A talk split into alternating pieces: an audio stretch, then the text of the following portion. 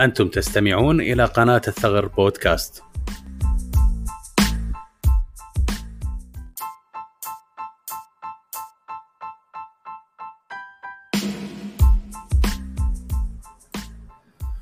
حلقات منوعة في مختلف المجالات الثقافية والعلمية والتقنية.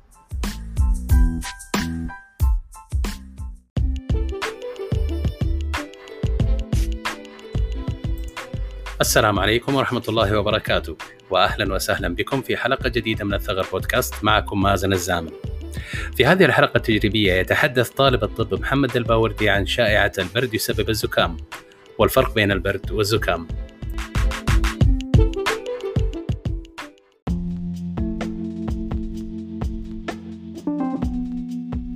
الفئة المستهدفة لهذا البرنامج بتكون أولا الوالدة لأنها دائما أختلف معها بما أدرس وبما تعتقد هي. لكن بشكل عام راح أبسط لكم الأبحاث بحيث تكون مفهومة لكل الخلفيات العلمية. في هذه الحلقة التجريبية راح أتكلم عن البرد. فالشائعة الأولى تقول تغطى عن البرد لا تنزكم. فهل فعلا البرد يسبب الزكمة؟ قبل نبدأ بالجواب لازم نفهم بعض الأشياء. من أهمها وش الزكمة وش البرد وش الفرق بينهم؟ أولا البرد.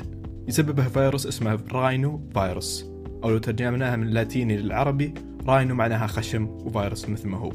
بالمقابل الزكمة يسببها فيروس الإنفلونزا ولها أنواع عديدة وأهمها مثلها ال A B وعادة ما يسمى H رقم N رقم. مثال H1N1 وهو فيروس الإنفلونزا الخنازير في عام 2009 بشكل مختصر الزكمة أو الإنفلونزا أسوأ من البرد لأن أعراضها أقوى فالبرد يجي أضعف. ثانيا مرضى البرد عادة ما تنسد خشومهم أو تسيل ولا تصيبهم مضاعفات مثل النمونيا سواء في الرئة أو يحتاجون رعاية صحية في المستشفى. فبشكل عام الزكمة أو الإنفلونزا أسوأ من البرد طيب نرجع لموضوعنا هل الجو البارد يسبب زكمة أو برد؟ وش دخلهم في بعض؟ وليش عادة أنزكم بالشتاء؟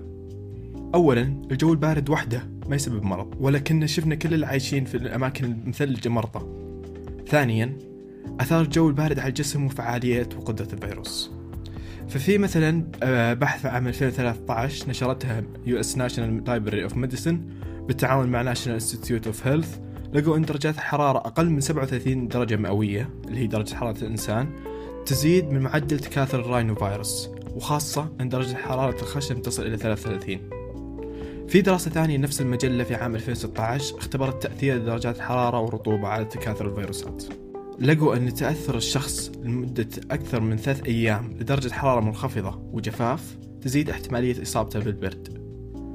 في دراستنا الثالثة لل Journal of Virology لل American Society of Microbiology آه، لقوا أن أفضل درجة حرارة للجو لانتقال الإنفلونزا كانت خمس درجات مئوية. فكل ما قلت درجة حرارة الجو زاد احتمالية انتشار وتكاثر الإنفلونزا وال rhinovirus طيب ممكن يتراوح ببالك الحين. ممتاز. هذا بالنسبة للفيروس. طيب وش دخل جسم الإنسان؟ في أربع عوامل أساسية بالشتاء تتغير. واحد قل فيتامين د في الجسم. فالشخص عادة في الشتاء يلبس عدة طبقات. تغطي الجلد وقلة خروجه من البيت أو العمل أو المباني تقلل من فيتامين د وتأثر على الجهاز المناعي. اثنين جلوسك في الداخل ومخالطة أشخاص تزيد احتمالية إصابتك. ثلاثة في دراسة في 2015 وجدت أن الخلايا في جسم الفيران قلت مناعتها كل ما قلت درجة الحرارة. لكن للأسف ما وجدت أي دراسة على الفيران أحياء أو على الإنسان.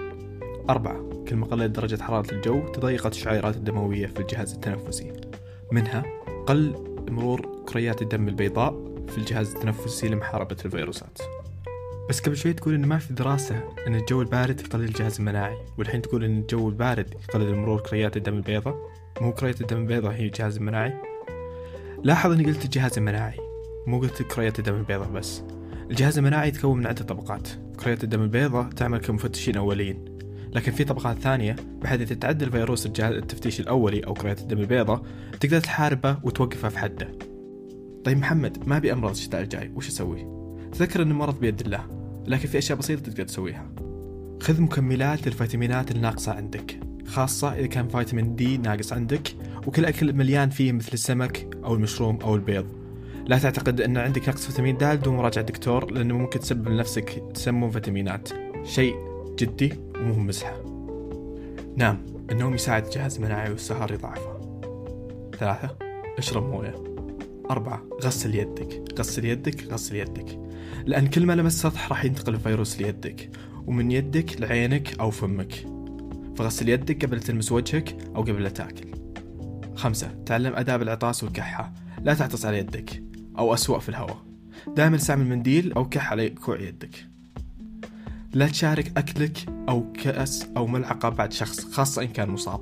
ينتقل الفيروس بعد الأكل وخاصة الراينو فيروس والإنفلونزا.